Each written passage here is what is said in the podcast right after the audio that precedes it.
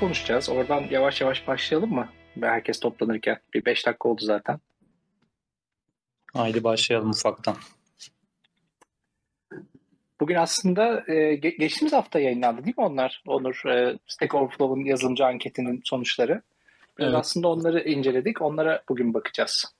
Biraz onlar hakkında konuşacağız. E, sizden de sorular alacağız arkadaşlar. E, belli aralıklarla. E, ama biraz şey yapın, sabırlı olun. E, ayarlamaya çalışacağız. Biraz daha panel gibi gitmesini istiyoruz. E, Twitter üzerinden de sorularınız olursa sorabilirsiniz. Ya da konuşmamızı istediğiniz başka bir şeyler varsa onlara da oradan bize haberdar edebilirsiniz. Mert şeyi de söyleyelim abi. Kayıt alacağız ve bu bir podcast olarak aslında yayınlanacak daha sonra.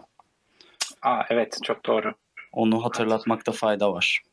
Evet böylelikle bir bedavaya bölüm getirmiş olacağız. Sp- sponsorsuz bir bölüm.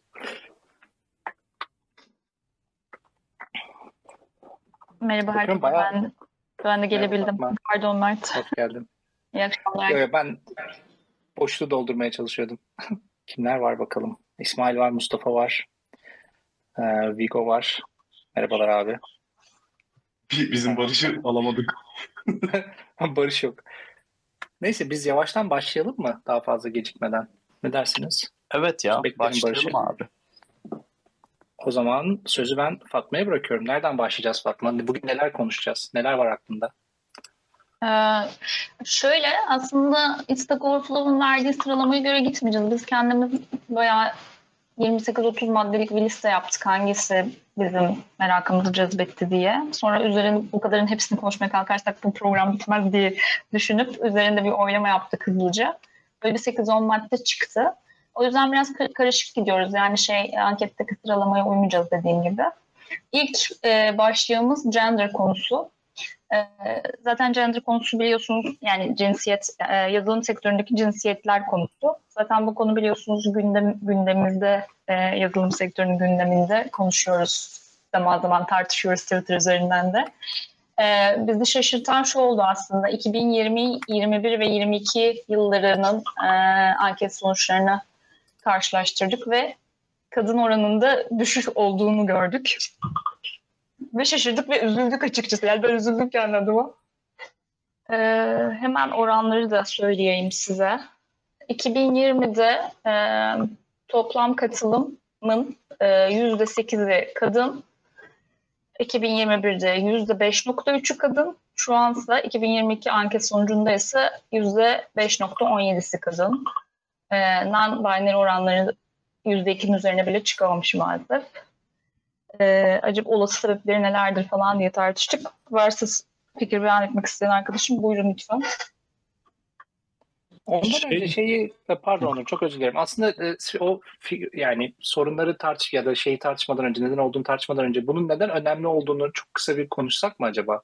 Yani çünkü özellikle aslında bunu ilk başta konuşmak istedik çünkü önemli olduğunu düşünüyoruz. Hani belki o konuyu birazcık daha belki şey yapabiliriz, açabiliriz ve neden aslında Code Fiction için bu önemli belki biraz ondan bahsedebiliriz. Araya girmek isteyen var mı? Abi ben şeyi söyleyeyim ya. e, ya inanılmaz zaten çaba sarf ediyoruz aslında bu konuda.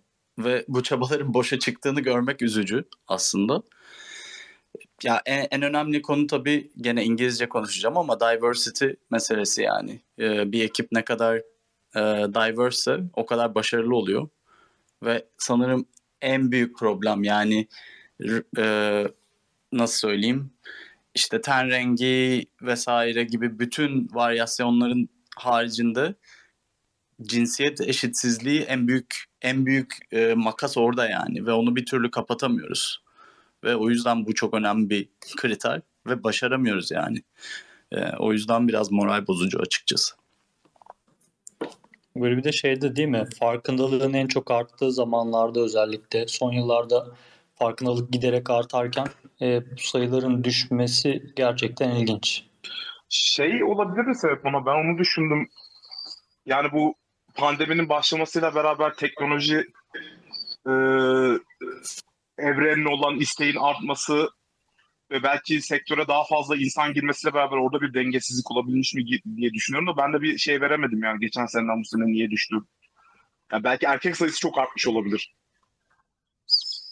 Olabilir abi. Evet onu bilmiyoruz yani. Ama bir de ben şey diye salladım ya. Bu Great e, Resignation'la beraber belki pek çok kadın istifa etti falan diye bir sallamada bulundum. Bunun ne kadar gerçekliği var onu bilmiyorum ama belki de böyle bir şey oldu yani. İnsanlar bunaldı ve ayrıldı falan. Şey pek doğru bir çıkarım gibi değil Deniz. Erkek sayısı arttı. Çünkü e, geçen sene, bu sene 67 bin erkek oy kullanmış. Geçen sene 75 bin erkek oy kullanmış. Ona rağmen kadın sayısı daha fazla 4 bin küsur. Bu sene 1300'lerdeyiz. Tezin çürüdü. Datayla gelip tezimi çürüttüğün için teşekkür ederim. Rica ederim. Ya belki şey diye düşündük. Yani ankete cevap vermemiş olabilirler. Çünkü yani çok kötü bir kaynak söyleyeceğim ama sanki Twitter'daki kadın yazılımcı sayısında da ben artış görüyorum ve hani mülakat başvurularında da kadın yazılımcılarda bir artış görüyorum. Ee, Şu umarım geldi aklıma. Tweet şey Stack Overflow eskisi gibi Medium değil mi acaba?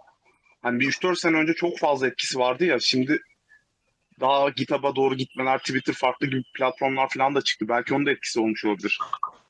Aslında ben de tam onu düşünüyordum. Yani acaba e, hani belki orada öyle bir şey oldu ama bir taraftan da e, açılan bu gender gap'ten ziyade belki de hani artık eskisi kadar Stack Overflow kullanılmıyor olabilir gibi geliyor bana.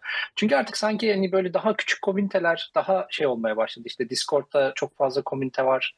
E, ya da işte Twitter üzerinden artık birçok insana daha farklı ulaşabiliyorsun ya da e, Slack komüniteleri çok fazla. Acaba yani onun da buna bir etkisi olabilir mi gibi düşünmeye başladım. Yani onunla ilgili abi elimdeki tek data kişisel yani. Eskiden bir sorunlar attığımızda Stack Overflow çıkıyordu. Şimdi daha çok GitHub çıkıyor mesela. GitHub işçileri, işçileri üzerinden çözüm buluyor insanlar. Evet değil mi? Aslında issue'larda da bayağı bir şey tartışılıyor. Yani eskisi gibi artık Stack Overflow'da sadece soru sormuyorsun. Ama o zaman şöyle bir şey çıkması, şöyle bir şey çıkması lazım o zaman. Erkekler daha çok Stack Overflow'u takip ediyor ya da kullanıyor gibi bir şey çıkması lazım. Ya yine belli bir kullanıcı kitlesi var ya Stack Overflow'u kullanan, kullanan. O kullanıcı kitlesi üzerinden sonuçta bu anket gerçekleşmiş. Hani eskisi kadar kullanılmıyor da olsa, hani azalmış da olsa sayı yine de belli bir oran kullanıyor ve o oran üzerindeki işte kadın sayısı erkek sayısının geçen senelere göre biraz daha altında. O zaman sanki şey olması lazım. Yani bizim şu anki bakış açımıza göre düşünecek olursak erkekler daha çok Stack Overflow'u tercih ederken işte kadınlar farklı platformları takip ediyor ya da farklı platformlardan yararlanıyor sorunlarını çözmek için gibi bir yere gidiyormuşuz gibi sanki. bu konuda Cevabını bulamıyoruz deyip salabiliriz konuyu. ya da belki bizden daha yaratıcı cevabı olan arkadaşlarımız varsa söz almak isteyen onlara da söz verebiliriz birkaç kişiye. Var. Onlara birazcık daha geç gidiyor. O yüzden hani e, belki birazcık daha şurada kalıp ondan sonra konuyu değiştirelim ki e, el kaldıranlar olursa onlara da zaman tanımış oluruz. Öyle scale etmişler. Yani canlı yayının streamiyle e, şeyin streami birbirinden farklı. Peki başka hangi komüniteleri kullanıyorsunuz? Yani mesela siz hani ben artık açık söyleyeyim son 3 yıldır falan Stack Overflow'a hiç girmiyorum. Ee, yani anca belki de bir aradığım bir problem olursa hani Stack Overflow'u açıyorum. Yani çok böyle Google aramasından denk gelirse buluyorum. Yoksa genelde ya dokümantasyon okuyorum ya da GitHub'daki issue'lardan aslında derdimi buluyorum. Bilmiyorum siz nasıl şey yapıyorsunuz? Evet abi ben de onu söyleyecektim. Galiba doküman yazmayı da öğrendik gibi değil mi? Yani open source projelerde de dokümanlar daha böyle e, clear oluyor. Daha aradığını bulabiliyorsun. Bir de GitHub üzerinde de issue'lardan birçok problemini çözebiliyorsun. Artık ben de gerçekten Stack Overflow'u eskisi kadar kullanmadığımı fark ettim sizinle konuşurken. Evet. Benim de Beyza, aynı ya bu arada. Pa- pardon Barış. Ee. Beyza'ya söz vermişiz. Hoş geldin burada. İyi akşamlar. Dinliyoruz seni. İyi akşamlar, iyi sohbetler. Ben yeni katıldım da sohbete. Ee, konu ne birazcık özet geçer misiniz? Aslında e, Stack Overflow'un yazılımcı anketinin sonuçlarını tartışıyorduk. E, onunla ilgili e, şey yaptım zannettim. O yüzden kabul ettim. Orada da tartıştığımız konu aslında şu. e, son anketlere göre kadın yazılımcı oranları yani katılımcı oranı ankete azalmış. Biz de acaba hani bunun e, bu kadar çok çalışma varken dünyada özellikle işte kadınları daha fazla yazılım içine almaya çalışırken neden acaba kadınlar bu yazılım dünyasına daha girmemeye eğilimliler ya da giriyorlar da acaba başka bir sorun mu var? Onu birazcık şey yapıyorduk. Onun için hani bir katılmak isteyen varsa diye söz vermiştik. Mert bir konuya dönmek gerekirse şey bu Stack Overflow'a çok bakmıyoruz dediniz ya. Hı hı. Ben onun birazcık da içinde olduğum pozisyonla alakalı olduğunu düşünüyorum ya. Artık e, bütün zamanda kod yazmıyorsun mesela. Onur sen de, ben de. Daha az ben de Stack Overflow'a bakıyorum. Yani dokümantasyon okuyorum genelde ben de. Ama hani çok spesifik böyle minor şeyleri buluyorsun ya Stack Overflow'da. Daha holistik çözümler bulamıyorsun yani. Genelde çok spesifik bir şey oluyor ve işte bu klasın bu attribute'unda ne oluyormuş falan diye bakıyorsun ya. Artık öyle öyle şeylere bakmadığınız için belki de e, bakmıyorsunuz Stack Overflow'a. Onunla da alakalı olabilir yani. Evet Bu ya arada- katılıyorum. Par- pardon, Pardon. Barış Bey. Beyza e, bir, bir şey söyleyecek misin yoksa seni aşağı alalım mı? Yani bu konuda bir fikrin var mı? Yoksa e, Murat'a mı se- şey- söz verelim? Teşekkür ederim. Ben e, konuyu sizden duydum ilk defa. O yüzden kalacağım şimdilik. Tamam peki teşekkürler. Murat o zaman Teşekkürler. söz sende. Abi konuşuyorsan duymuyoruz. Evet Mu- Murat mute aldı. Ben Bir şey diyordum Barış özür dilerim. Murat'ın sesi gelmedi ama ben gireyim oraya bari. Sen gir. Ben de şimdi bu arada anket sonuçlarında katılanların sayısına baktım. Ee, bundan iki sene önce 70 binmiş. Geçen sene 80 bin. Bu sene ise 65 bine düşmüş. Gerçekten de bir Stack Overflow'un kullanımda azalma var demek ki.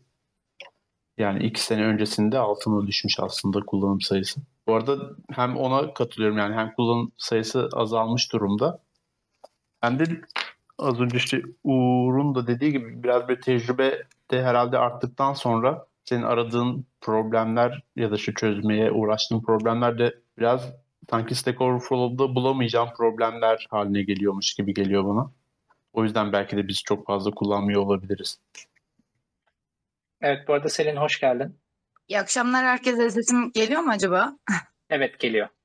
Ee, iyi akşamlar. Ee, yani ben de aslında bu anket sonuçları ile ilgili biraz şaşırdım. Ee, çünkü son bir sene içerisinde benim çalıştığım ekipte e, inanılmaz bir e, e, kadın çalışan e, sayısında artış var. E, tam olarak e, ilk başından beri işte dinliyorum. E, söylediğiniz gibi olduğunu düşünüyorum. Yani St- Stack Overflow'la ilgili mesela bir problemle takıldığımızda ya da full yani gün boyu kod yazan insanlar olarak ya da arge yapan insanlar olarak e, çok fazla artık sanki karşımıza çıkmıyor gibi geliyor. Hani direkt aslında eskiden direkt Stack Overflow'a spesifik bakardım ben. E, şu anda mesela direkt Google'lıyorum. Google'ladığımda mesela e, aa diyorum direkt bir tane issue açayım. Zaten hani şey GitHub'da bir tane bu konuyla ilgili zaten çoğu şey artık open source olma yönünde şey olduğu için direkt bir tane issue açıyorum ya da contribute edilecek bir şeyse contribute etmeye çalışıyorum falan. E, aslında bu anketin buna bağlı e, hani bir sonucu olabilir. E, kesinlikle katılıyorum. E, yani bir noktada şey olacak gibi daha böyle e, bu tarz e, issue açılabilecek kod e, kodla ilgili hani yeni başlayan arkadaşlar da belki biraz daha şey etkili olabilir hani Stack Overflow ama bir noktadan sonra sanki kendisini e, şey yapamıyor gibi e, idame ettiremiyor e, gibi belli spesifik sorunlarla ilgili. Mesela ben gidip e, sorunumu Stack Overflow'a soru olarak açmıyorum yani. Gidiyorum Git, GitHub issue'su olarak açıyorum ve daha hızlı çözüm buluyorum e, gibi. Bunun çok etkileri olabilir ama bence kadın e, yazılımcı ya da işte o şey gender e, şey konusunda bir sıkıntı olduğunu düşünmüyorum. E, bayağı güzel bir şekilde e, bizde de ilerliyor. Mesela çok güzel bir şekilde çalışıyoruz arkadaşlarımızla. E, öyle bir yorumum var. Çok teşekkür ediyorum. Biz teşekkür ederiz. Çok sağ ol Selin. Ağzına sağlık. Merhabalar ben konuşabilir miyim? Tabii buyur. Tabii ki. Ee, ben şey düşünüyorum. Yani biz de mesela e, online etkinlik yapıyoruz ve kadınların genelde katılımı daha az oluyor. Acaba kadın yazılımcı sayısı oranı azalmış değil de bu etkinliğe katılımlarının azalmış olma ihtimali daha yüksek değil mi? Yani bence online da fiziksel de etkinliklere kadın yazılımcılar daha çok katılmama eğiliminde diye düşünüyorum. Ve bu ankete de katılmadıklarını düşünüyorum. Yani kadın yazılımcı sayısı bu kadar az değil ama ankete katılmamışlar. Yani bu tespiti yapmak için biraz kaynak yetersizliğin olduğunu düşünüyorum. muhtemelen öyle değildir diye umut ediyorum ve varsa arkadaşlarımdan yorum yorumlarını alalım yoksa bir sonraki e, başlığa geçmeyi düşünüyorum arkadaşlar. Selamlar sesim geliyor mu? Geliyor Evet, geliyor. merhaba. Ee, ya ben de bir istatistik buldum. Ee, en büyük 20 teknoloji firmasında 2019'da kadın oranı %22.4 iken e, 2022'de yani son günümüze kadar %25'e çıkmış. Aslında bir artış var e, ve galiba gerçekten de Stack Overflow bunu ölçmek için doğru mecra değil. Aynen. Bu arada e, demin arkadaşlarım Uğur, Mert, Barış herkesin hemfikir olduğu bir konu var. İşte tecrübelendikçe Stack Overflow e, kullanma e, oranı düşüyor gibi bir çıkarımda bulundular. Buradan bir sonraki maddemize bağlanmak istiyorum. E, anket sorularından bir tanesi yönetici olmak için sektörde ne kadar tecrübeye ihtiyacınız var gibi bir yerden bir soruydu ve e, biz bu soruda da biraz şaşırdık çünkü e, yaklaşık people manager'ların yaklaşık %16'sı 1 ila 4 yıl arasında tecrübeleri varmış. E, sayı olarak da 913 kişi henüz bir yılını yeni doldurmuşken people manage etmeye başlamışlar. Bu biraz bize şaşırtıcı geldi. Ne dersiniz arkadaşlar? Ben şey düşünüyorum yani aslında e, şeye baktığın zaman bir e, engine manager'a baktığın zaman e, ya da tabii burada sadece engine manager gibi bir rolden bahsetmiyorum ama teknik yöneticilik diyelim ona yazılım sektöründeki. Neredeyse her firmada senior developer olduktan sonra bir sonraki aşamaya aslında e, geçiyorsun. Yani senior developer'dan sonra çoğunlukla yolun developer olarak ya da e, yönetici olarak devam ediyorsun. E, ama senior developer olmak için aslında gereken süre de bayağı fazla. Hani orada acaba belki de e, çok büyük teknoloji firma, firmaları değil de daha küçük ölçekli firmalarda mı e, acaba hani bu anketin sonuçları biraz yankı buldu gibi e, düşündüm. E, ona biraz şaşırdım yani gerçekten ben de katılıyorum sana Fatma. Abi ben ben de biraz şaşırdım.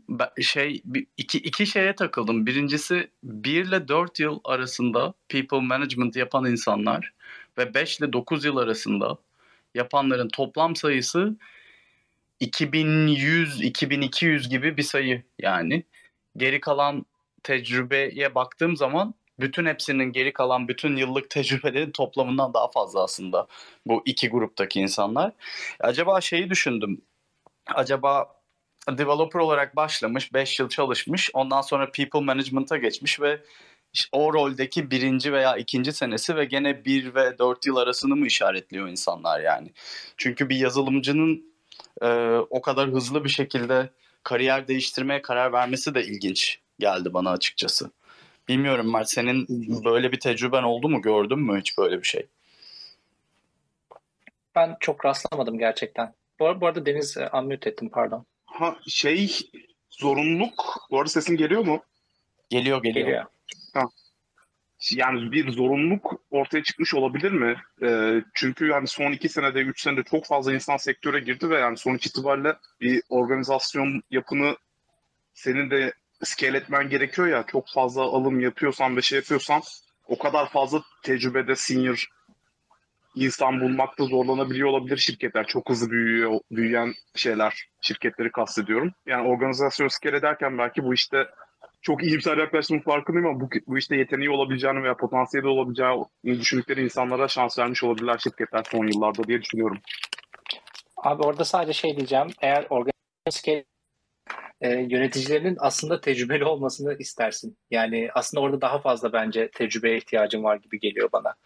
Yani Ee, bulamadığını düşün tecrübeli insan. O anlamda dedim.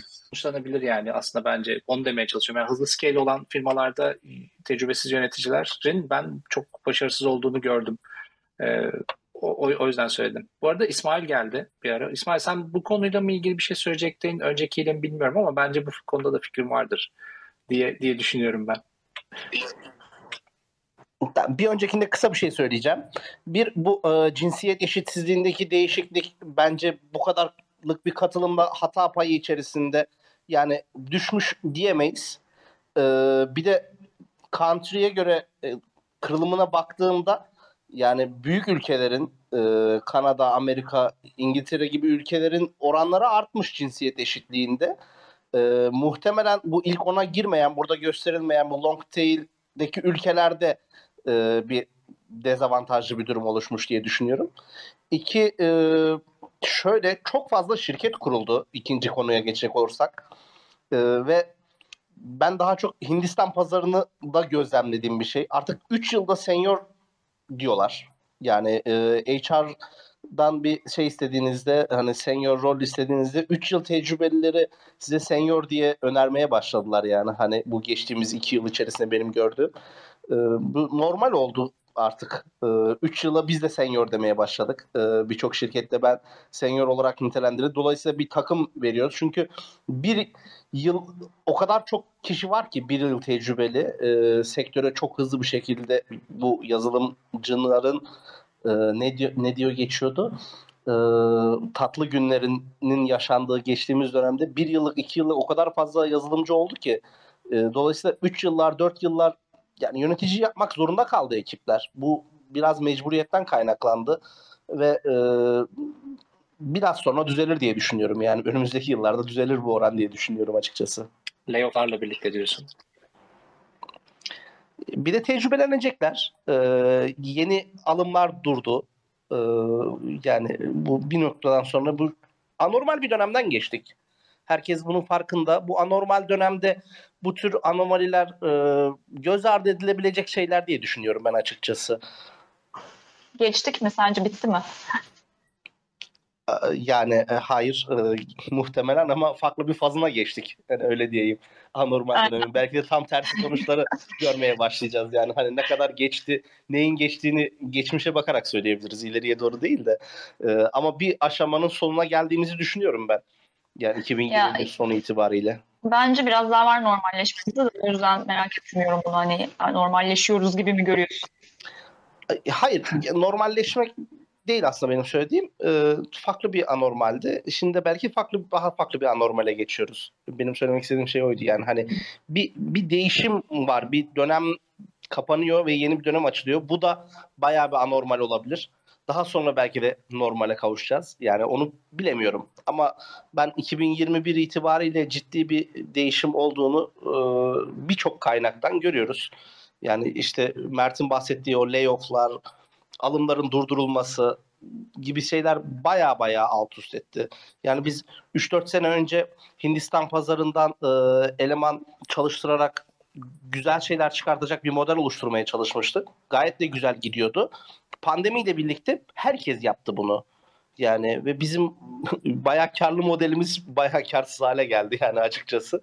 E, bütün firmalar yani Hindistan'daki maaşları biz e, tahmin edilemeyecek derecede çıktı. Hani Türkiye enflasyon dünya ortalaması gibi değil. E, eleman var, para var. Eleman almam gerekiyor. E, gideceği ilk yer biraz daha hani modern dünyaya yakın, hani özgür dünyaya yakın Çin'in alternatif olabilecek Hindistan. Ve Hindistan'daki yazılımcılar daha iyi, daha iyi bir kültür var vesaire diye değil. Yani yazılım e, yatırımcılara bir PowerPoint sunumu yapıyorlar. 100 eleman alacağız diyorlar. E, 100 eleman yok. 100 eleman Hindistan'da var bir tek. O da artık e, kısa süre içerisinde bir yıllık, iki yıllık tecrübeli elemanlarla o 100 e, elemana çıkacağız biz diye aldıkları parayı e, bulabildiler. Hindistan'da bulabildiler. Bu para karşılığında alacakları elemanları Hindistan'dan bulabildiler sadece. Bu e, Yani ben şey diyebilir biraz zaman- buna bağlıyorum Şey- açıkçası. Şey diyelim mi o zaman? Yani aslında tünelin diğer ucunda bir ışık var ama o başka bir olabilir. Ee, bilmiyoruz şu anda galiba. Aslında bir değişiklikler oluyor. Bu arada Selin dahil oldu araya. Ee, merhabalar tekrar. selam. Aslında ben İsmail Bey'e katılıyorum. Yani kesinlikle pandemiyle birlikte bir yani inanılmaz bir korelasyon olduğunu düşünüyorum arasında şeyin. Hani bu yeni belki işte yeni açılan startuplarla birlikte e, hani işe alımlar e, çoğaldı fakat işte o kadar senior developer belki yoktu. İşte başka arkadaşlarımız yeni başlayan arkadaşlarımız bir kısa süre içerisinde yönetim seviyesi seviyelerine geldi gibi düşünüyorum. E, fakat şeyde e, çok katılmıyorum. Hani ilerleyen dönemde bu azalacak mı diye düşündükçe yani o arkadaşlar gittikçe seniorlaşacak belki ama development anlamında belki değil ama people yönetimi hani anlamında belki seniorlaşacak. E, yani kötü bir şey olduğunu sanmıyorum aslında. Hani e, biraz daha şey e, sonuçta development'ın içinde technical'ın yanında insanlarla hani iletişim ve bunların yönetimi çok farklı şeyler gibi geliyor bana mesela. Çok e, farklı şeyler gibi düşünüyorum aslında. Teknikten de kopmadan ama insanlarla da bir arada çalışmak bunu yönetmek zor gibi düşünüyorum. E, o yüzden bir yandan böyle bir şey de yetişiyor şu anda ve e, bu böyle bir trend olabilir aslında. Bu ko- korona döneminden sonra erkenden e, people management alanında çalışan insanlarla, developerlarla birlikte e, bu giderek artacak ve belki daha başarılı da olabilir. E, gibi bir e, yorumum var ama kesinlikle koronanın e, bu anket sonuçlarıyla yani pandemi sürecinin etkili olduğunu düşünüyorum. Teşekkürler. Biz teşekkür ederiz sağ ol katılımın için. Ee, bir sonraki başlığa geçeceğim. Çünkü e, çok uzun sürdürmemeyi planlıyoruz bu yayını. Herkesin vakti kıymetli. Ee, bence bu en merak edilen, konuşulmak istenen konu budur. Ee, en çok istenen, e, en popüler diller e, kategorisinde topu Uğur atayım. Bana mı attın? Aynen. Yani tabii ki bir JavaScript gene dominasyonu mevcut yani. Bu hiç şaşırtıcı değil. Ya inan- inanılmaz yüksek yani. Herhalde %75-80 civarında mıydı? Linki arıyorum bir yandan. Linki kaybettim. Ama çok fazla yani. Evet 65'miş. Ondan sonra da zaten kardeşi HTML ve CSS geliyor yani 55'le. Ondan sonra da gene SQL geliyor. Şey, bunlar dur PHP tabii en çok abi. kullanılanlar. PHP o kadar kötü değil ya. Nerede? %20 abi. S- e, WordPress sağ olsun yani. Yok, se- seni tease ediyorum pardon.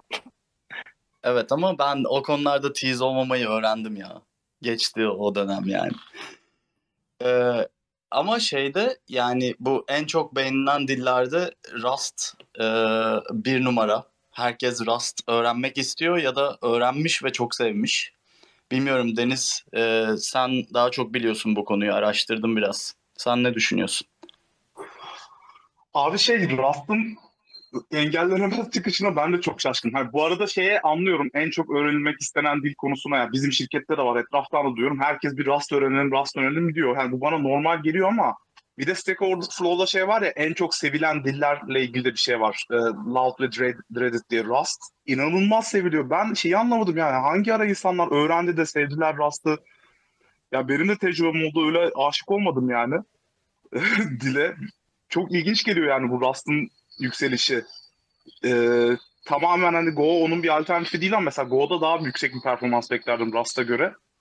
Gerçekten anlam veremediğim bir sonuç. Keşke insanlardan bir şey sebep falan da toplasalardı gibi geliyor. Onun haricinde şeyleri ee, bir damarını kesen Microsoft akan bir insan olarak şunu söyleyebilirim. C Sharp'ın da hani çok ee, ilk 10, 10'da olması beni şey yaptı bayağı mutlu etti. Belki de hani bu şeyi de konuşmak istiyorum ya. Microsoft'un bu open source in- e, inisiyatifi acaba meyvelerini veriyor mu? Yoksa Stack Overflow'a daha çok gidenler .NET'çi mi?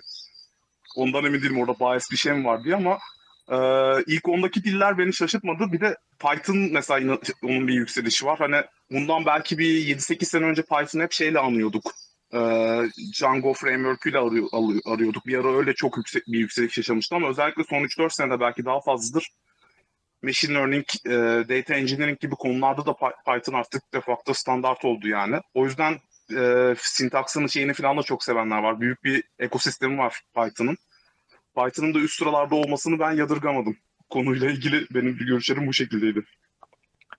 Bu arada software engineer de katıldı ama galiba bir önceki konu için katılmıştın abi ama bu konuyla ilgili konuşmak Evet ister abi misin? ben, ben bir önceki konu için request göndermiştim ama onu geçtik. Ee, istiyorsanız e, geri bırakabilirsiniz beni. E, çünkü yani diller hakkında söyleyeceğim bir şey yok bu konu için çünkü. Tamam. Bu enterprise diller için ne diyorsunuz peki? Yani hem .NET hem Java. Java'da bir düşüş var. 40'tan 33'e düşmüş mesela. Var mı günlük hayatında bizim ekipte kullanan, düzenli olarak Java kullanan? Bizim şeyde bence o tayfası belki cevap verebilir bir soruyu. Aynen biz Java- kullanıyoruz Java bayağı aktif şekilde ama hani Go da kullanıyoruz bir yandan. Go'ya bakıyorum mesela Go'da bayağı artış var. %11.5'e çıkmış. İşte ilk 2017'de girmiş galiba şeye survey'de listeye. %4 ile girmiş. %11.5'e çıkmış. O da Rust'la hemen hemen aynı şeyde gidiyor aslında. Rust'ta işte %3 ile girmiş. Şu anda kaç %7'lere Böyle %9'lara falan çıkmış hatta. Açıkçası böyle Java, C Sharp biraz böyle şey baş başa baş giden diller gibi böyle birbiriyle sürekli rekabet halinde gibi. Açıkçası kendini yeniliyor ama biraz bizim tarafta da benim gördüğüm şey Kotlin tarafına geçiş var aslında işte Java'dansa. Çünkü aynı işte Spring Boot'u vesaire falan kullanabildiğin için biraz daha hani Kotlin dil yapısı olarak da Java'nın ve benim gördüğüm kadarıyla C Sharp böyle güzel özelliklerini alan bir dil gibi görünüyor. O yüzden yine JVM siteğinde kalıp Kotlin diline geçen e, yani backend tarafında Kotlin de kullanılmaya başlandı aslında son zamanlarda bayağı. Önceden Kotlin deyince sadece işte Android development için kullanılan bir dil olarak düşünülüyorken son zamanlarda biraz daha artık backend tarafında da kullanılmaya başlandı benim gördüğüm kadarıyla. Ya yine rakamlarla gireceğim ben. Ee, Kotlin geçen sene %8 kullanılıyormuş. İşte bugün bu sene %9.1 gibi kullanılıyor. Ee, Java'da 35'ten 33'e düşmüş. Yani bir düşüş var aslında gerçekten de. Ama Go'nun ve Rust'ın mevzi kazandığı bir dünyada zaten düşüş kaçınılamazdı. Ama eğer Java ölüyorsa ki ölüyor demiyorum kesinlikle çok yavaş ölüyor. Ee, yani senede %1 kaybederek devam ediyor. Ya sanki yüzde yüzde iki değişimi biraz göz ardı etmek gerekiyor. Evet. Bizde bir de şey oldu ya Java'dan biraz daha böyle Kotlin'e geçiş Barış'ın dediği gibi oldu. Şey var içeride işte böyle çok eskiden ilk dilleri C Sharp olan arkadaşlar var. Aslında biz de onlardan biriyiz. Barış, Fırat, ben de. Ee, işte mikroservis Spring derken işte Java'ya dönüştükten sonra tekrar Kotlin yazmaya başladığımızda yeni bir şey yazarken Kotlin yazıyoruz artık. Her yazan işte şirkette böyle eski C Sharp'çılar hep şey diyor. Abi inanılmaz çok güzel değil. C Sharp yazıyorum gibi harika değil. Ki gerçekten de öyle. Kotlin'in böyle bir şeyi var. İnsanı çeken bir yanı var Java'ya göre. Pardon Deniz. Yok şey soruyu şöyle bir soru atmak istiyorum ortaya. Native'e bir dönüş mü var yani? Hani daha doğrusu şöyle eskiden Go ve Rust bu kadar popülerleşmeden önce native deyince aklımıza gelen şeyler C++, C, C gibi dillerdi ya. Acaba şeyi mi başardılar? Bu yeni çıkan modern native diller şeyi mi başardılar? Hem tooling desteğini iyi yaptılar hem development'ı daha kolaylaştırdılar ve bunu yaparken de performans ve diğer işte memory footprint gibi şeyleri de korumayı başardılar mı? Beni şu an o düşündürüyor yani. Neden böyle bir native şey var, gidiş var? Native geçiş varı aslında diyebilir miyiz emin değilim. Diyebilir miyiz? Yani şey gibi İl, ilgi var diyelim. Böyle gümbür gümbür bir şey yok, gidiş yok ama bir ilgi var yani. Yani bizim şirkette de yani yıllardır .NET siteyi dominanttı ama şu an son 6 ayda Go ile yazılan bir sürü şey var, servis var yani.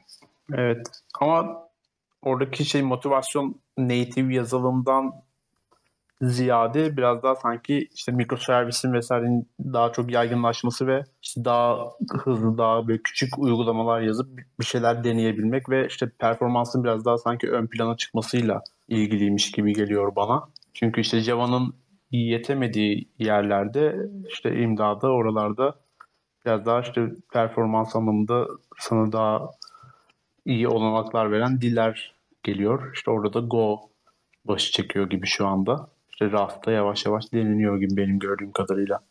Ama evet yani bir şekilde native ve doğru ister istemez sanki şey seni itiyor gibi. ihtiyaçlar.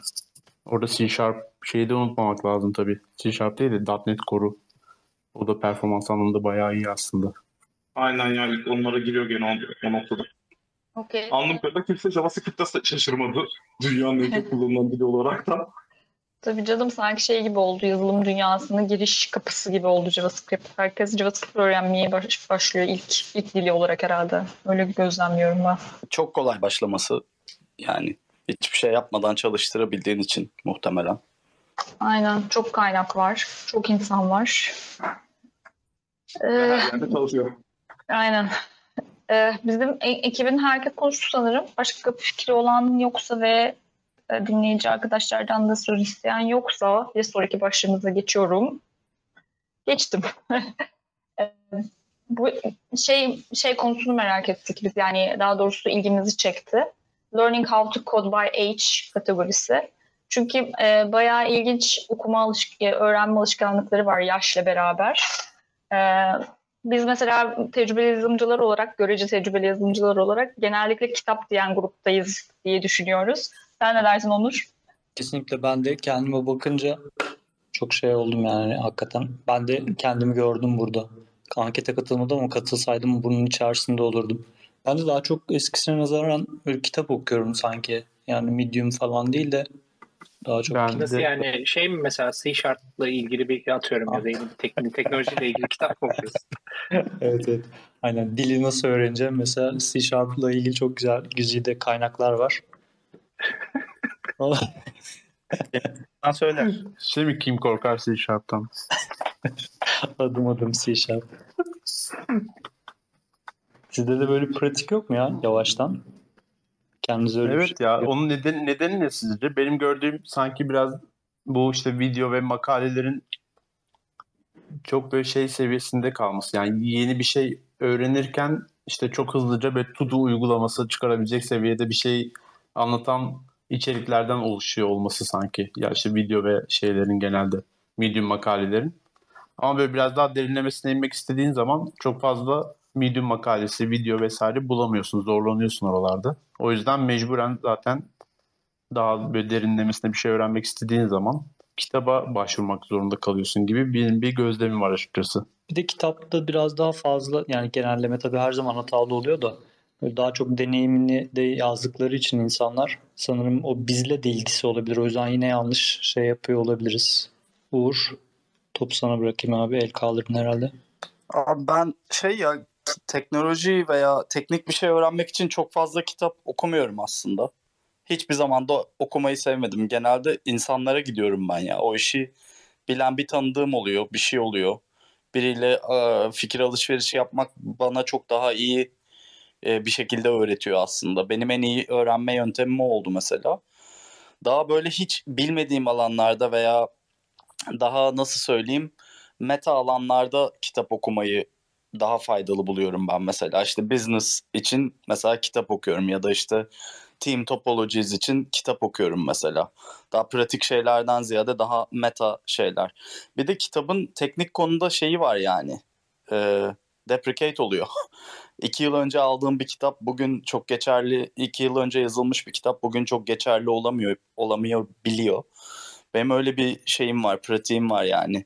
Atıyorum e, çok sıkıştım bir, bir şey öğrenmek istiyorum. Atıyorum ilgini arıyorum. Diyorum ki abi siz bunu bunu nasıl deploy ettiniz? Ne gibi problemlerle karşılaştınız? Ve çok aslında güzel bir öğrenme yöntemi. Çünkü direkt tecrübe tecrübeyi alıyorsun yani. Deniz'cim teşekkür ederim bana verdiğin bilgiler için ayrıca. Eyvallah abi her zaman ben de senden alıyorum. Ee, bana şey gibi geliyor yani kitap olsun, blog olsun veya online video olsun hepsinin 101'i de var. Daha derinlemesine olanlar da var ama tabii bu sanki kitap değil de video ve e, blogda birazcık daha 101 kısımları şey gibi e, ne derler popüler gibi geliyor bana. Kitapların güncellik problemi var ama yani kitaplarda da nasıl diyeyim ya bazı kitaplar var evladiyelik yani yıllarca okusan da gene hatırlayıp hatırlayıp döndüğün kitaplar falan oluyor yani. O yüzden ben de yani Amazon'dan falan dolar bu kadar yüksek değilken çok kitap söylediğimiz zamanları hatırlıyorum. Yeni bir öğrenme kaynağı olarak bana şey geliyor. O ankette de söylemişler mesela üniversiteleri, college'ları falan söylemişler. Bence orada şey de var. Özellikle bu Harvard gibi üniversiteler işte computer science'ın temelleri, oyun programlama gibi şeyleri de şey yaptılar ya ne diyeyim artık open source ettiler ya. Mesela insanlar oraya da çok talep var. Üniversitelerin belli spesifik konular hakkındaki anlattıkları e, derslere de giriyorlar. Oradan da çok şey öğrenebiliyorsun. Ben mesela computer science girmiştim. Bayağı yararlı olmuştu. Ya öğrenme kaynakları arttı abi. Bence o da etkisi var. Yani bizim zamanımızda diyecek yaşa geldik artık. Çok fazla bu kadar kaynak yoktu. Şu an çok fazla şey var. Bilgi yağmuru var. Ee, bu da güzel bir şey bence. Sadece şeyi yararlı bilgi ayıklamakta zorlanıyor olabilir insanlar. O kötü olabilir. Evet abi aslında katılıyorum sana. Bir de şey de var tabii yani e, bir de yani böyle şeyin de söylediği gibi az önce e, Barış mı söylemişti onu? Yani çok fazla şey var. E, basit konular da var. Yani tutorial'lar çok fazla. Dolayısıyla hani internette bir şey aradığın zaman, yeni bir konuyu aradığın zaman biraz böyle daha kaliteli bir içerik bulmak biraz zor oluyor. Yani o yüzden ben de mesela bir teknoloji öğrenirken dokümantasyonuna bakıyorum. Yani kitabı kitabını kitap okumuyorum ama kitabı sadece böyle çok spesifik özel bir konudaysa e, okuyorum. Ee, bir de tabii şeyler var yani bloglar vesaire böyle çok takip ettiğim bazı net bloglar var. Onlardan bir sürü şey alıyorum. Ee, ama yani sanki hani teknik kitap okumak artık hani böyle çok şey değilse, çok genel bir konuda değilse mesela işte mesela şu anda ona bakıyorum mesela Designing Data Intensive Applications diye bir kitap var mesela. Gerçekten okunmaya değer bir kitap. Ee, onun onun gibi böyle çok spesifik bir konuda genel bir bilgi vermiyorsa biraz daha zor tabii. Çünkü şeyini kaybediyor zaman içinde. Yani absolut oluyor bir, bir noktadan sonra. Bütün söylediklerinize katılıyorum ve şey bana çok zor geliyor. Onu da belirtmek isterim. Video izlemek bana çok sıkıntılı geliyor. Yani yapıyorsam evet. 2x'e falan çıkarıyorum. Eğer hani anlaşılır e, seviyeye gelirse 1x'e falan çıkarıyorum. Mümkünse hiç izlemiyorum. Çünkü oradan böyle 10. dakikada belki bana faydalı bir şey var ama o 10. dakikayı deşeleyip bulmam lazım. Hiç oturup onu izleyemiyorum yani. İlla ki bir yazılı bir metne falan dokümantasyona bakmam gerekiyor. O yüzden galiba ben boomer oldum arkadaşlar. Yok katılıyorum ya. Videodan takip etmesi çok güç. Şey, şey diyebilir miyiz abi? Yani bilgi ucuzladı, tecrübe daha pahalı bir hale geldi. Tecrübe paylaşanlar, tecrübe paylaşan platformlar hala az. Yani sanki zaten insanlık olarak da daha çok hani e, ona da ihtiyacımız var gibi. Çünkü bir şeyi, bir teknolojiyi öğrenmek daha kolay gibiydi ama yani bunu gerçek dünya örnekleriyle insanlar nelerde fail etmişler, e, hangi şeylerde, yüz case'lerde bunu kullanmışlar falan bana onlar daha değerliymiş geliyor genel olarak bir şey bilgi alırken. Evet katılıyorum. Bu arada Selin de dahil oldu. Merhaba Selin, tekrar hoş geldin. Merhabalar. Seni aşağı göndermeyelim istersen. Burada kal. Teşekkür ediyorum. Ee, yani ben genel e, bizim bu konteks yani yazılım konteksi dışında insanların artık hani bu e, bizim e, generation dışında da yeni gelen jenerasyonun çok fazla hızlı yaşadığını düşündüğüm için artık hani böyle şey oluyor işte e, bu bir işte bir makale buluyorsunuz mesela bir dakika işte okuma süresi beş dakika okuma süresi gibi şeyler oluyor. Evet yani insanların artık çok fazla vakti yok. Hani bir önceki konuyla ilintili yine. Ee, mesela artık low code tarafına doğru gidiyoruz. İşte ne bileyim işte GitHub şey çıkartıyor. işte AI ile birlikte işte ne co-pilot e, falan tarz şeyler çıkartıyor. İnsanlar olabildiğince böyle hazır frameworklerle dünyayı aslında baştan keşfetmeden sanki yeni gelen jenerasyon e, bu tarafa doğru ilerliyor. O yüzden atıyorum e, öğrenme şekilleri çok farklı. Yani benim kardeşim mesela security tarafıyla çalışmak istiyor. Gidiyor işte e, video falan izliyor. E, kesinlikle katır, katılıyorum hani Fatma'ya. Ben de bir video izleyip de oradan e, bir şey bekleyip de oradan işte izlemek bana çok e, çekici gelmiyor mesela. Ee, ama yani hani şey e, yeni jenerasyon YouTube jenerasyonu daha farklı bir şeyleri izleyerek daha iyi öğrenebiliyor. Ya da her şeyi temelden öğrenme gibi bir şeyleri yok. Zaten dediğim gibi her şeyin hazır olduğu bir dünyaya doğuyorlar gibi düşünüyorum. Ee, işte frameworkler hazır, işte Java'da her şeyi en baştan çözmene gerek yok. Python'da bir sürü hazır kütüphane var. İşte C Sharp'ta bir sürü ABP bilmem ne frameworkler var. Hazır tek tuşla bütün her şeyini hazırlıyor. E, o yüzden olabildiğince hızlı şekilde e, kod üretme şeklinde daha çok ilerliyor. E, o, o sebeple hani insanlar e, şu anda ne kitap okuma hani e, böyle alışkanlıkları kalmadı. Hani ben de çok seviyorum. E, böyle sırf bu işler için e, şey olmadığı için bir yandan da böyle hani bir Kindle falan alayım diye düşündüm. Hatta Kindle aldım e, korona zamanı. E, genelde ama şey hani bakıyorlar yani bu ne kadar sürer? Bir iki dakikamı falan alır. Bunu okuyayım buradan öğreneyim ama video izlesem şuraya atlarım falan işte çarpı iki de izlerim falan gibi. E, yani biraz daha bu konteks dışında da hani her şey daha hızlıya yöneldiği için e, bunu da o e, minvalde de, değerlendirmek gerekiyor gibi düşünüyorum. Çok teşekkür ediyorum. Ya orada şöyle bir sıkıntı olduğunu düşünüyorum ben. Hem Deniz'in söylediğine hem de senin söylediğine katılıyorum senin ama ya bu yeniden keşfetmeme meselesi tekerleği karşına gerçekten çözülmesi zor ve çözmesi değer yaratan bir problem çıktığı zaman insanlar çözememeye başlıyor bu sefer ve sürekli o hazır çözümleri arıyorlar ve bence o zaman değer yaratmak çok daha zor bir hale geliyor. Ben problemin uzun vadede orada olacağını düşünüyorum açıkçası. Öyle bir sıkıntı görüyorum yani. Gerçek mühendislik e, esa- şeyi kayboluyor yani. Problem çözme meselesi. Ya aynen öyle aslında bir anlamda şey oluyor. İşte çok kısa sürede bir şeyler belli bir framework altyapısıyla bir şeyler hazır verildiği zaman e, işte hepiniz görüyorsunuzdur zaten hani yeni başlayan işte stajyer ya da part-time arkadaşlarda da e, hepimiz mesela ORM kullanıyoruz. Hani ama ben hani stajyer ya da part-time olduğum zamanlarda bir sürü store prosedür yazmıştım. Hani SQL'le bir sürü uğraşmıştım. Başka bir sürü problemlerle uğraşmıştım. Çocuk onları bilmiyor yani. Hani e, onlar tabii ki bir tecrübe. E, hani bilemiyorum hani ileride herhalde gerek kalmayacak mı bu sorunları çözmelerine? O kadar böyle eksponansiyel bir şekilde artacak ya artık hani şey dediğim gibi bu işte co-pilot falanla birlikte AI ile birlikte e, yani low code'a doğru gideceğini düşünüyorum bir noktada. E, yani çok böyle business'ın daha business problemlerinin daha büyük problemler olacağını düşünüyorum. Yani kodlama açısından e, problemlerin azalacağını düşünüyorum. E, ama bakalım süreç gösterecek. Evet ya aynen öyle. Güz- e, İlginç, ilginç bir perspektif düşüneceğim bunun üstüne. Çok teşekkürler. Bana biraz da şey gibi geliyor ama yani her ne kadar low, low code'a gidiyor olsa da bazı şeyler bir noktada birilerinin o e, Redis'i scale etmesi gerekecek yani. E, ya da ne bileyim e, bir şeyde çalıştığı zaman o load balancer'ın işte konfigürasyonunu e, işte bir şekilde ya da orada akıllı bir algoritma ile yapması vesaire gibi geliyor. E, yani dolayısıyla aslında bir ekonomi var burada değil mi? Yani talep ve şey meselesi yani ne kadar talep var, ne kadar arz var. Ona bağlı olarak en çok beklenilen şeyler neler, yetkinlikler neler ona bağlı olarak bir şekilde bir dengeyi bulacak ama herhalde e, bir böyle bir şey olacak. Kısa bir dönemde bir azalma olacak gibi. Mesela şu anda e, blockchain yazılımcısı her yerde aranıyordu bir dönem. Şimdi mesela o şeyler çökünce bütün ekonomi, piyasalar vesaire e, dibi bulunca oradaki beklentiler de bambaşka bir noktaya geldi. Her serverless'ın arkasında bir server olması gibi diyorsun yani. Aynen öyle. Bir nokta bir yerde var o server. bir yerde bir server var evet.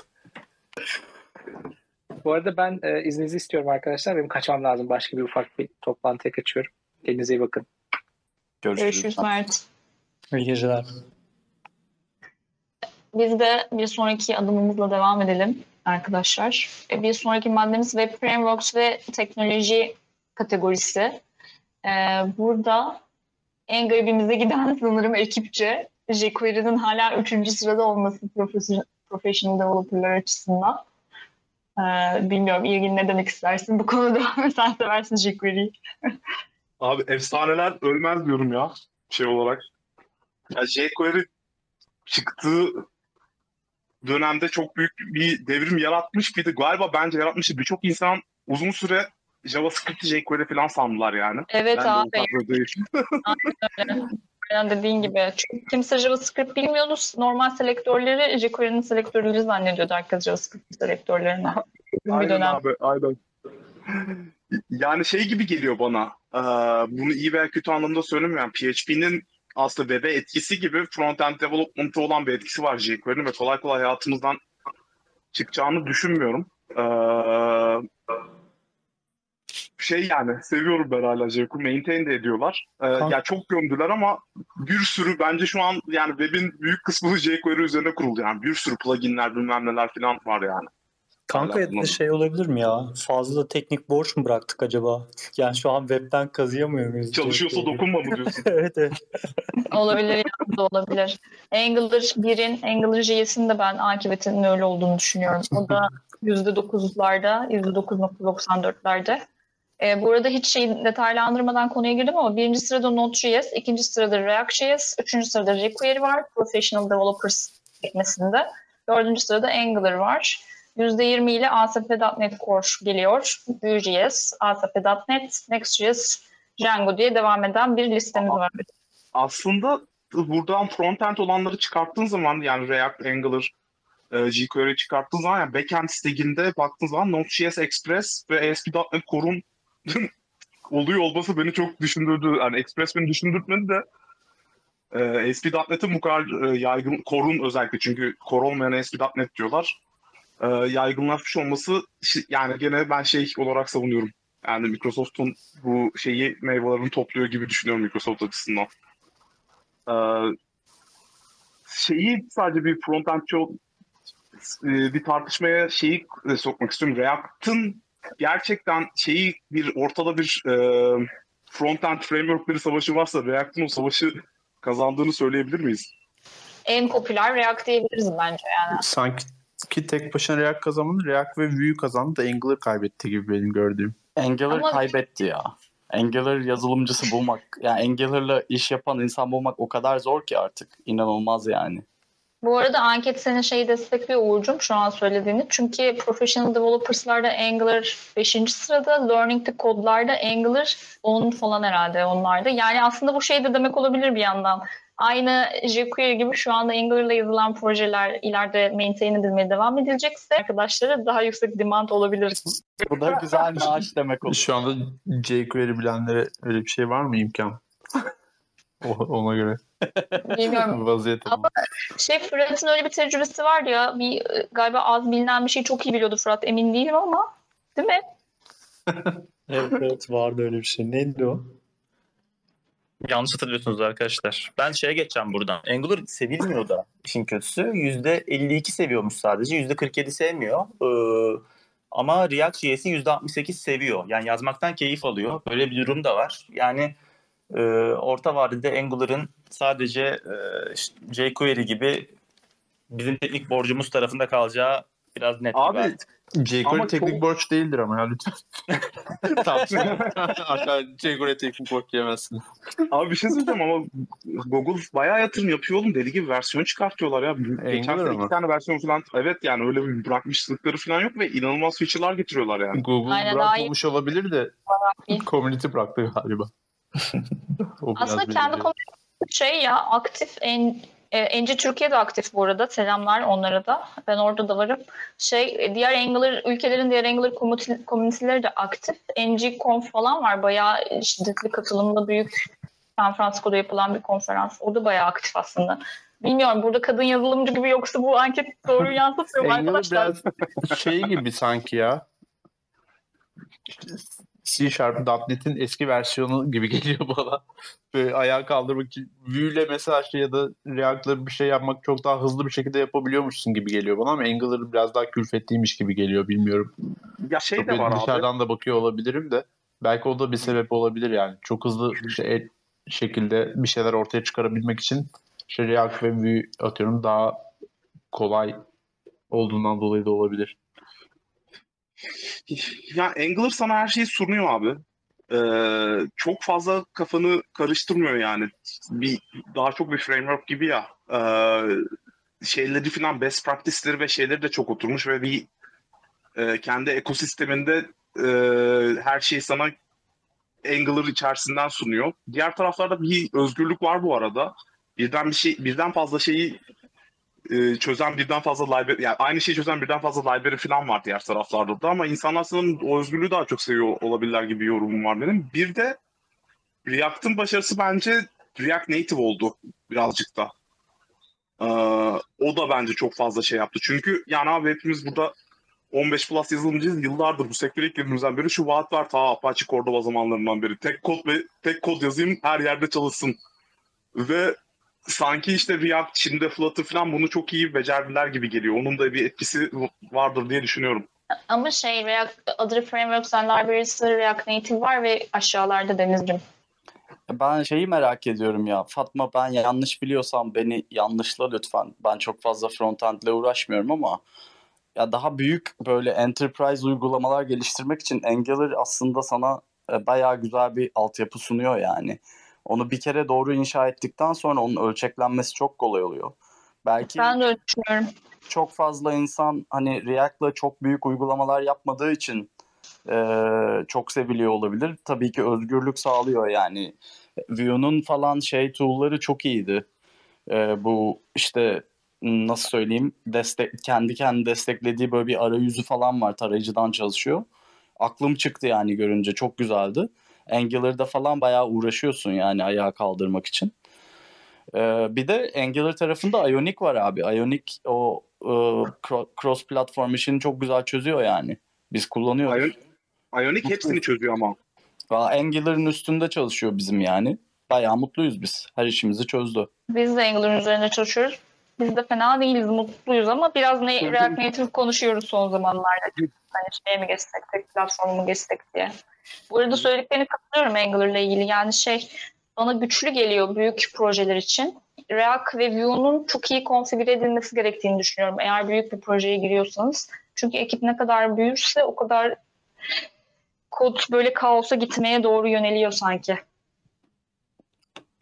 Bu arada şey söz almak isteyen arkadaşlar varsa el kaldırabilirsiniz arkadaşlar. Bu Mert gitti diye. el kaldırmasınız kaldırın lütfen. Ben bu arada şeyi de sorayım ya. Ee, ya bu Den- Deno diye bir tane ya kütüphane ya framework çıktı. Node.js'i e, yazan kişi oradan öğrendiklerinden yola çıkarak yeni bir projeye başlamış. O da yükseliyor falan böyle 3-5 kişiden duydum. Hiç bakma fırsatım olmadı ama e, anladığım kadarıyla böyle acayip lightweight, böyle tek executable'la falan çalışan bir şeymiş. Deniz sen kesin bakmışsındır. Ya ben de çok bakmadım ama eser var zaten burada tanıyordur. O bayağı Deno'nun Türkiye'deki şubesi gibi düşünebiliriz. O çok övüyor. Bir iki versiyonunu çıkarttılar geçen. Yani dediğin gibi bir hikayesi var ve hani yükselişte son galiba iki versiyondur şeyi de eklediler. Ee, yani kendi package management sistemleri vardı. Birazcık daha farklıydı Node.js'ten ama e, şeye de destek verdiler. NPM evrenine de oradaki paketleri kullanmaya da hatta Node'un şeyleri bir interruptibility falan da sağladılar. Ee, öyle beraber daha da şey yapmaya, büyümeye başladılar. Ben Node.js stack'indeki insanların etraftan duyduğum kadarıyla yani ta- şunu söyleyebilirim güvenli. Hani bir Deno'yu sürekli bir radarlarında tutmalarını tavsiye ediyorum. Bakmak lazım. Fatma, en son konumuza geçelim mi artık? Bu konuda eğer kimsenin söyleyecek bir şey yoksa veya bir soru, bir fikir, bir düşünce yoksa ufaktan Geçelim. da toparlarız sanki. Bir Aynen geçelim geçti. bence de. Aynen geçtik. Ee, başta söylediğimiz gibi fazla sarkıtmak istemiyoruz buraları. Ee, son başlığımız da bu arada seçtiğimiz başlıkların da hepsini tamamlayamıyoruz. Ama son başlığımız güzel. Ee, hepimizin gündeminde olan bir konu. Ee, pandemiden sonra şirketler ne kadar full time'a döndüler, ne kadar hibrit kalındı ya da ne kadar yüzde yüz remote çalışıyor ile ilgili bir e, soru varmış. Oradaki cevaplar da e, ay açamadım ben. Neden açamadım? O zaman hemen topu Fırat'a atıyorum açamayınca. Ya burada beni şey şaşırtıyor. Ee, bir ürün firması olarak Apple neden hibrit modeli seçti? Hatta hibrit değil aslında e, sanırım çok flexible bir model de değilmiş. İnsanların gelmesini istiyorlar. Ee, o benim çok ilgimi çekiyor. Ee, çünkü, çünkü e, bir şekilde Apple insanların şirkete gelmesini istiyor ve herkesin birbiriyle iletişim kurmasını istiyor. Hatta kampüslerinde biliyorsunuz e, daire şeklinde tasarlamışlar. E, ortada bir hol var. Hol olmasının sebebi herkesin e, birbirini görebilmesi, yeni bağlantıların kurulabilmesi, yeni fikirlerin çıkması. Hibrit e, veya e, remote bunu engelliyor mu? E, ben bunu biraz merak ediyorum. Abi ben şunu da okudum. Aa, 3-4 ay önce Microsoft'un yayınladığı bir e, kendi içlerinde yaptığı bir araştırma ile ilgili yayınladıkları bir makale vardı. Orada ilginç sonuçlar vardı. Remote'a geçtikten sonra mesela e, pozitif yanları kadar negatif yanlarına da dikkat çekiyordu. Mesela silo, silolaşmanın arttığını, bilgi paylaşımının azaldığını ve şeyin e, yaratıcı fikirlerin daha az çıktığıyla ilgili tespitleri de var, vardı Microsoft'un ama bir aksiyon almadılar bununla yönelik bildiğim kadarıyla. Ama e, birkaç buna benzer işte e, araştırmanın daha yani yayınlanmasa bile bu tür büyük şirketlerin hani zaten çok büyük şeyleri de var, imkanları da var bu tür araştırmalar yapabilecek içeride.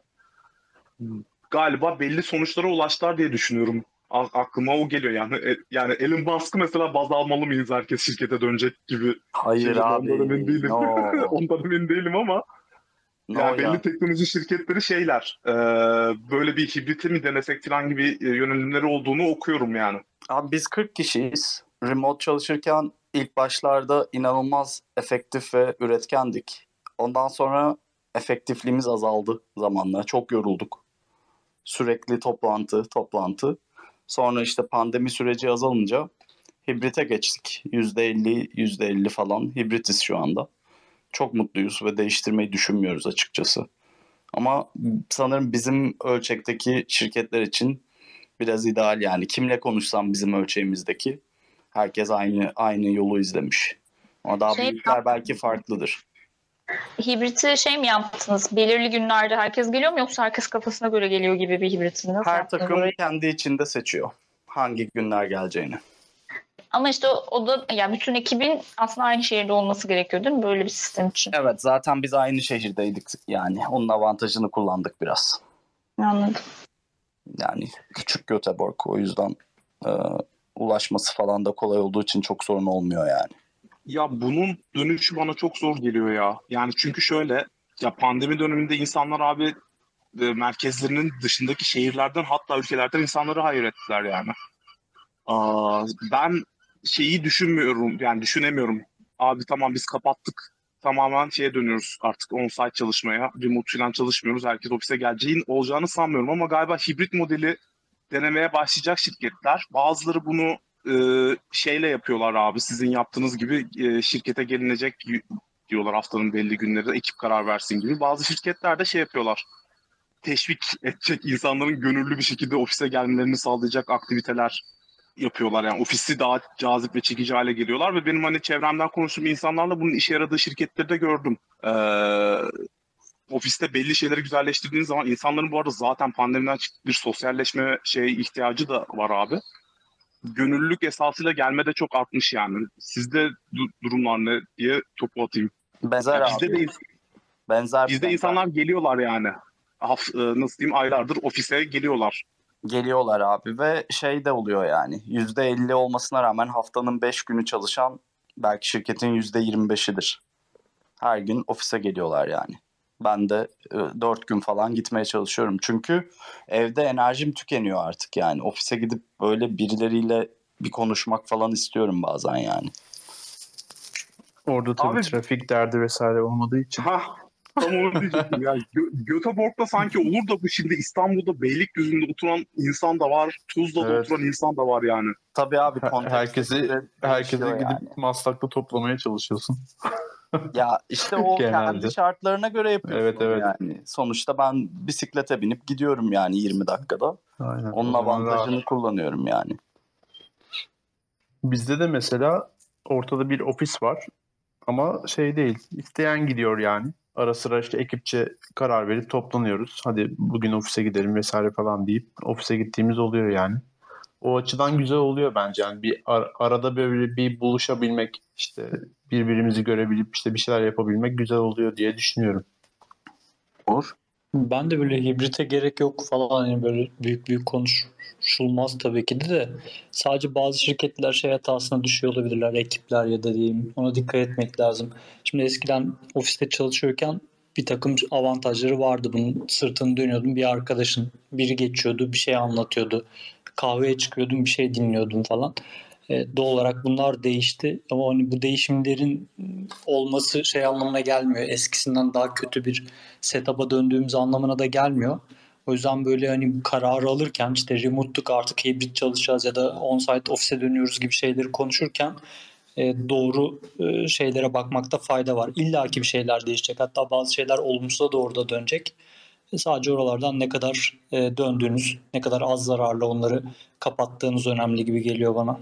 Yönetme meselesi değil mi? Evet sanki. Evet ya katılıyorum. Selin de galiba. Selin de bir şeyler ekleyecek. E, merhabalar tekrar. E, yani ben, ben de şu anda Siemens Türkiye'de çalışıyorum. Hani Ankara artı İstanbul'da da şu anda hibrit model e, yani e, uygulanmaya çalışılıyor. Çok da iyi olduğunu düşünüyorum. Mesela işte aylık açıklanıyor işte bu ay işte 6 iş günü geleceksiniz ya da işte belki işte 8 iş günü geleceksiniz gibi. Ankara'daki kısım şeyden dolayı Otlu Teknokent'in içinde bulunduğu için ve bu vergilendirme e, şeyleriyle ilgili oluyor. Yani gelmek zorunluluğumuz. Onun dışında işte kimsenin kendi masası yok. İşte herkes belli bir masayı işte kendisine göre e, şey yapıyor, e, ayırtıyor falan. Hani birazcık böyle insanların hani kişisel olarak bir masası olması etkiye oranla hani karşılaştırdığımızda insanlarda bir aidiyet hissi, hissinde bir eksiklik de yaratıyor olabilir. Fakat ben yani kendi açımdan hani böyle bir home office gibi yani açık ofiste hep çalışan insanlar olduğumuz için e, bazı günler ciddi böyle sıkıntılı işlerim olduğunda gerçekten evde kendi odamda hani böyle onun üzerine düşünüp e, evden çalışmayı çok e, kıymetli ve değerli buluyorum. E, çoğu firmada bunu uygulayacak gibi. Ee, yani diğer kalan işte Elon Musk ya da başka Google falan hani şey düşünüyor olabilir. Yani bu kadar yatırım yaptık biz bu şeylere binalara falan. İçlerini donattık hani niye gelmiyorsunuz falan gibi olabilir. Ee, fakat bir noktada yani sosyalleşmek çok e, şey e, zaruri bir şey. Bunu gördük yani pandemide. Fakat e, hibrit model e, hem yarı zamanlı gitmeli hem yarı zamanlı insanlar istediği gibi kendi zamanını e, planlamalı şeklinde olan model bana çok mantıklı geliyor. E, böyle de gidecek gibi düşünüyorum e, bir şekilde. E, yani bana bu şekilde daha e, mantıklı ve daha iyi gibi geliyor. Teşekkür ediyorum. Teşekkürler Selim. Merhaba. Ee, ben de bu konuda bir görüşümü bildirmek istiyorum arkadaşlar. Ee, şimdi ben hani çok uluslu bir şirkette çalışıyorum Güneydoğu Asya tarafında. Benim gördüğüm sorun remote'a geçerken aslında şirketlerin çoğunun remote çalışmayı evden çalışmak olarak sadece düşündüğü e, olduğunu düşünüyorum. Yani yılda birkaç kez yani full gerçekten bu işi remote yapıyorsak en azından yılda birkaç kez bir araya gelmeliyiz de başlayan belirli yapılması gereken şeyler var. Hani Basecamp'in falan bunun üzerine yazdığı kitap da var. Basecamp'çilerin. Ee, bir bunlar yapılmadığı için bence remote konusu da biraz e, sağlıklı değerlendirilemeyebiliyor. İkinci olarak da benim e, şöyle bir istatistik paylaşmak istiyorum. Benim çalıştığım şirketin e, çalışan sayısı 20 bin e, ve bizim içeride yapılan ankette e, çocuklu olan özellikle çocuklu olan kişilerin büyük çoğunluğunun ofise dönme isteği olduğu ortaya çıktı. E, yani şimdi hani tek yaşayan genç bir insan için e, belki remote çalışmak, evden çalışmak mantıklı ama ben de yeni iki çocuk babası olan biri olarak e, yani ofiste olmak gerçekten çok işe yarayabilir de- dediğim günler oluyor. E, bu da bence önemli bir detay. Ee, iyi akşamlar herkese. Ben de fikrimi beyan edebilir miyim bu konuda? Tabii ki hoş geldin. Selamlar. Ben de yaklaşık 10 bin kişinin çalıştığı bir şirkette e, liderlik yapmaya çalışıyorum mobil tarafta. E, bence şöyle bir şeyi es geçiyoruz. Şirketler çalışanlarına mutlaka bir ofis imkanı sağlamalı. Ama bunu tam zamanlı ya da hibrit gibi bir modelle zorunlu hale getirmemeli. Zaten orada bir ofis varsa gitmek isteyen rahatlıkla gidip e, çalışabilir. Fakat e, biz hibrit çalışıyoruz diye bir sistem getirdiğiniz anda insanlar artık o saatten sonra remote değil. Çünkü remote olmak şu demek. Benim çantamı alıp işte Kamboçya'da kamptayken de çalışıyor olabilmem demek. Çünkü ben eğer performans sergiliyorsam, katılımcıysam konumumun nerede olduğunun bir önemi yok. Dolayısıyla aslında e, hibrit bir yarı remote model değil. Hibrit insanları kısıtlayan bir model. E, genelde e, şirketlerde de e, alış, alışılmadık bir yapı var şu an. Yani insanlar ofiste olmadıklarında, tırnak içinde dizginleyemediğimizde, kontrol altına alamadığımızda nasıl performans alacağız gibi bir kaygı var. E, ben uzun süredir e, ekibi full remote yönetiyorum. Yani hiç ofise gelelim ya da gele- gelelim demiyorum ve son derecede verim alıyorum. Hatta e, kaliteli verim alıyorum. Dolayısıyla e, söyleyebileceğim hibrit denen sistem aslında gizli bir ofise dönmedir. Bu, bunun inisiyatifinin çalışanlarda olması gerektiğini düşünüyorum. Teşekkür ederim. Teşekkürler Cenk. Fatma, söz sende galiba moderatörümüz olarak. Aynen. Başka konuşmak isteyen yoksa arkadaşlar yavaştan bizim maddelerimizin sonuna geldik ve 1 saat 20 dakikayı gördük. Yavaştan herkese iyi akşamlar diyeceğim. Çok teşekkür ederiz katılımınız için. Code Fiction olarak son, bundan sonra biraz daha aktif olabiliriz. Bizi daha sık görebilirsiniz ama bu bir commitment değildir. Umuyoruz yani öyle olmayı. Çok teşekkürler. Herkese iyi akşamlar. Bu arada bizim de ilk kod şey denememiz yani Spaces denememizdi. Fatma'nın dediği gibi daha aktif olmaya çalışacağız burada. Teşekkürler o zaman. Katılan herkese kadar çok teşekkürler. İyi akşamlar. Çok teşekkürler. İyi akşamlar herkese. Teşekkür ederiz. Görüşmek üzere. İyi akşamlar. Görüşmek üzere. Hiç yayını kapatamıyorum. Nasihat mi diyorsun Deniz? Sonsuza kadar burada mıyız artık Deniz? Evet, ihtimal teknik olacak. Mesela çıkmazsak biz şu an. Abi bilmiyorum bir dakika. Bir kod dışından kapatmak bilmiyorum.